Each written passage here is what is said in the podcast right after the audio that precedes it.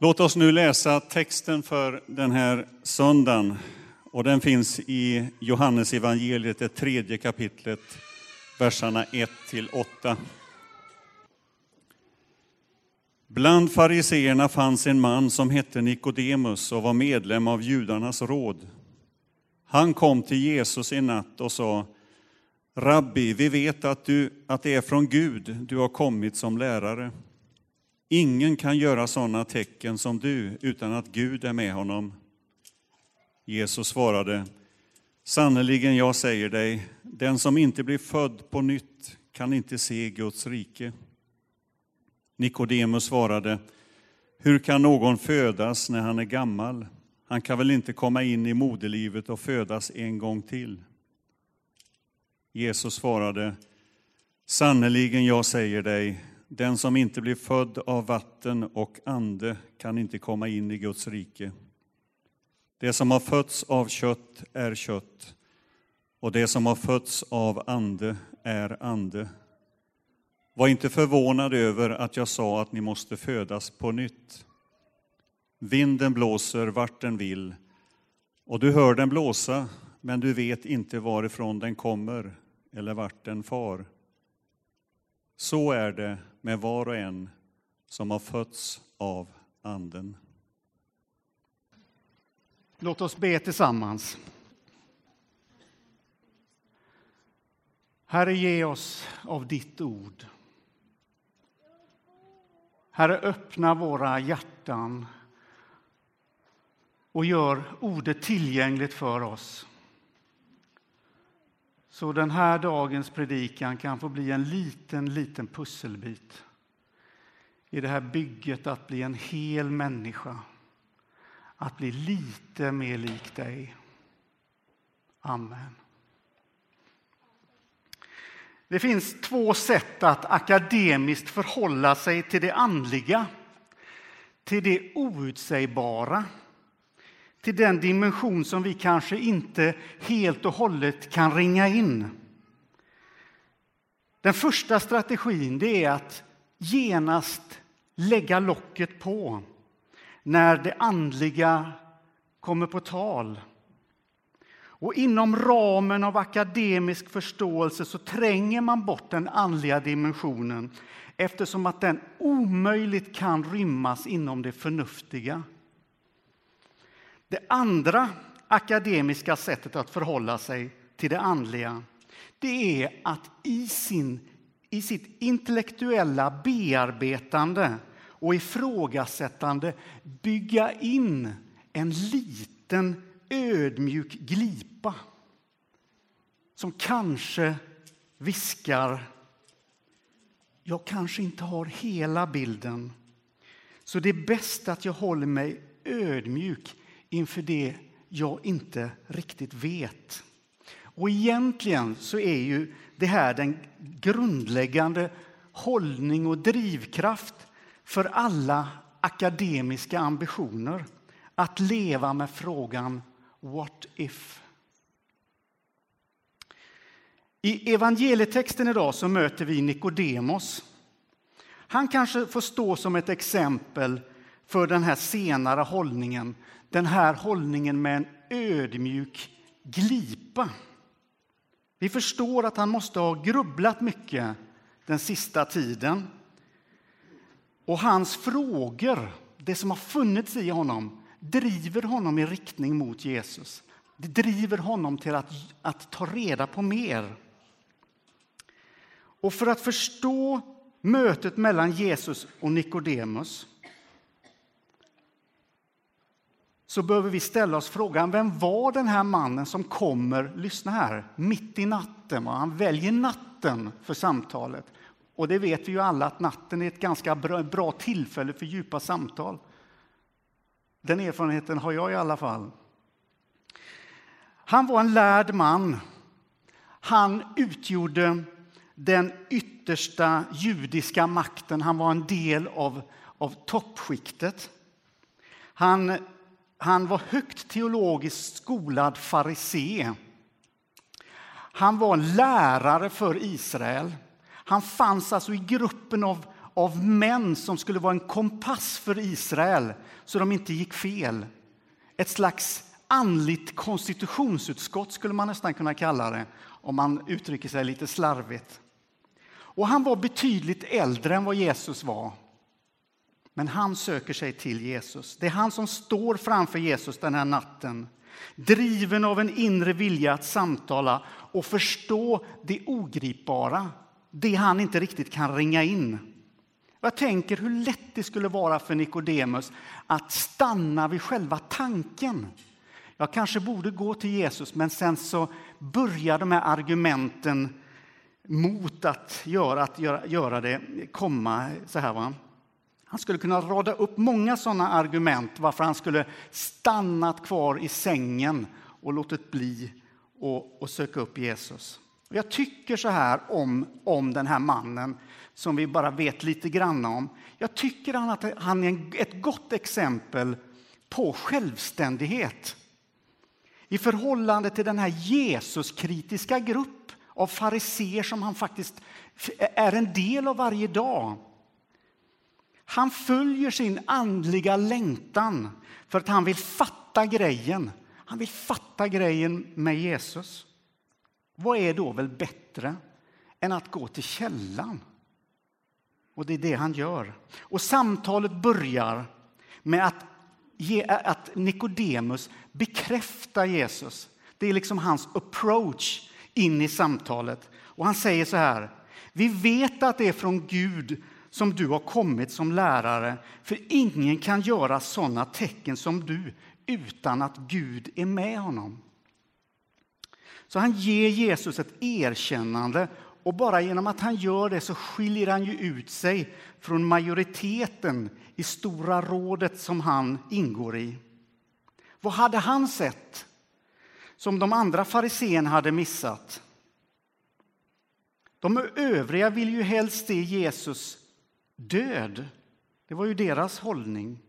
Och Jesus säger inte då när han får den här bekräftelsen, Åh, vad glad jag är att du har fattat det här Nikodemus. Det har ju ingen av de andra fariseerna gjort. Tack för uppmuntran. Det känns gott att veta att du förstår vem jag är och vem som har sänt mig. Gud välsigne dig och god natt. Nej, det är nu Jesus börjar dra in eh, Nikodemus in i centrum vad allt handlar om. Det är som om han vet vad Nikodemus saknar och vad som behöver öppnas inom honom och för honom. Och så är det för oss alla. Gud vet vilka områden som behöver öppnas både i vår hjärna och i vårt hjärta. För att bli kristen, det är inte att köpa en enkelbiljett ifrån hjärnan till hjärtat och aldrig resa tillbaka. Utan när det kristna livet är som allra bäst så är det en god balans mellan hjärtat och hjärnan. Så går Jesus till kärnan i vers 3 och han säger den som inte blir född på nytt kan inte se Guds rike. Alltså, underförstått, det räcker inte för dig, Nikodemus, att på ett intellektuellt plan konstatera att Gud måste ha med saken att göra. För att det är så mycket som verkar tyda på det. Och låt mig säga detta. Om man förblir en betraktare av den kristna tron och lever med distans till Guds verklighet så kommer man inte kunna se Guds rike. För det måste ses inifrån, inte utifrån. För när vi kommer, in, kommer innanför, så att säga då ser vi och får en uppenbarelse av Guds kärlek, Guds skönhet, Guds goda principer, hans kraft, hans planer och hans innersta väsen. Allt detta syns inte utifrån utan måste erfaras från insidan. Den som inte blir född på nytt kan inte se Guds rike. Och nu öppnas ju en ny dimension här för tänkaren Nikodemus som utmanas att sträcka sig utanför sin, sitt, sitt intellekts gränser för att kunna gripa om någonting som är mycket, mycket större. Men själva bilden att födas på nytt skapar självfallet förvirring i Nikodemus och han säger hur är det möjligt? liksom? Hur kan någon födas när man är gammal? Han kan väl inte komma in i moderlivet en gång till och födas en gång till? Det är ju lite, jag tror att han säger det med glimten i ögat, men det är bara min personliga... För det, för det är ju lite... Det, det låter lite så. Men så tar Jesus med honom vidare in i ett samtal om hur, man kan, hur det går till och hur man kan födas in i Guds rike. In i en position där tron blir insida och inte utsida. Och Jesus säger så här i vers 5. Den som inte blir född av vatten och ande kan inte komma in i Guds rike. Den som inte blir född av vatten och ande kan inte komma in i Guds rike. Saronkyrkan är en baptistisk församling och dopet har alltid varit centralt i den här församlingen. Så viktigt att när man designar och bygger kyrkan här så, så är dopgraven här framme. Alla blickar fäst fram mot korset och mot dopgraven. Och här har människor, den här kyrkan är 40 år i år. Här har människor gått ner, unga, gamla, pigga, trötta, trasiga, hela, ja, hela bredden av mäns mänskliga öden har gått ner i den här dopgraven och lämnat i dopvattnet all sin oförmåga, allt det som inte blev som man hade tänkt, alla rester som man kämpar med, skrot och konsekvenser, synder och smärta. Och så har man sänkts ner i vattnet så har man kommit upp som en andligt nyfödd människa. Och du hörde rätt. Vi kallar det för dopgrav. Vi kunde ju sagt dopbassäng. Men det är därför att någonting dör här i vattnet.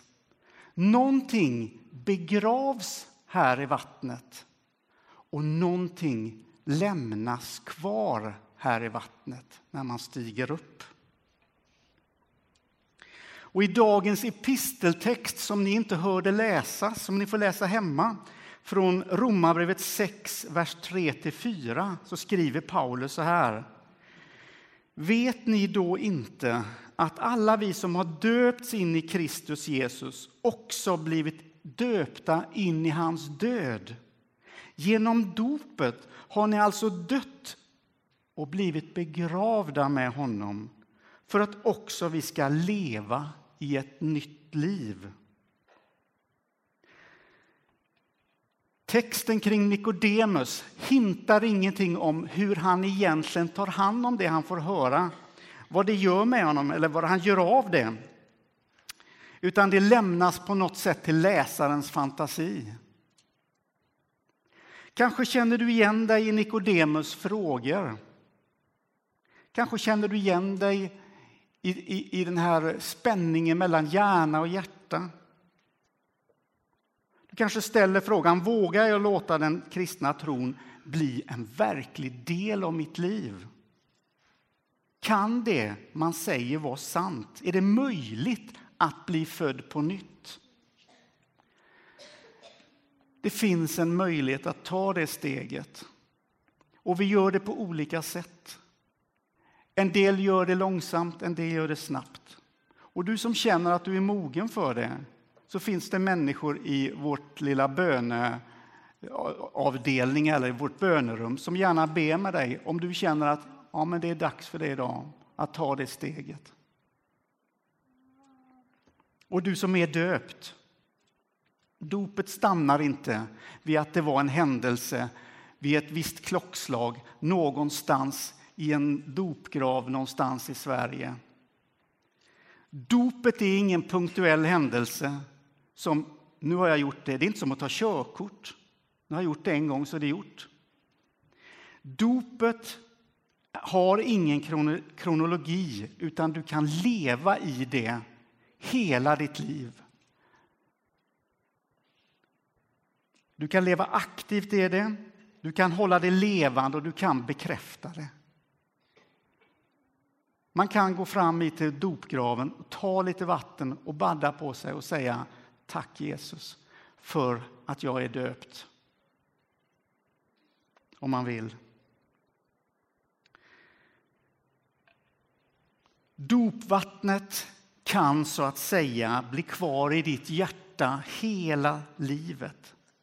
Och jag tänker om du går omkring på Maxi och handlar eller vad du nu hittar på. Så går du där med din vagn och så är du på väg, så går du till frukten och så ska du köpa apelsiner eller, eller så ska du köpa bananer och så plötsligt så hör du hur det kluckar till. Dopvattnet kluckar till och påminner dig om du är älskad, du är förlåten, du är fri. Lyssna efter det där kluckandet här inne av dopvattnet. Det gamla är förgånget och någonting nytt har kommit. Så ta med dig det idag. Påminn dig själv om, om dopets eh, kraft, det som har hänt. Låt oss bara be kort tillsammans.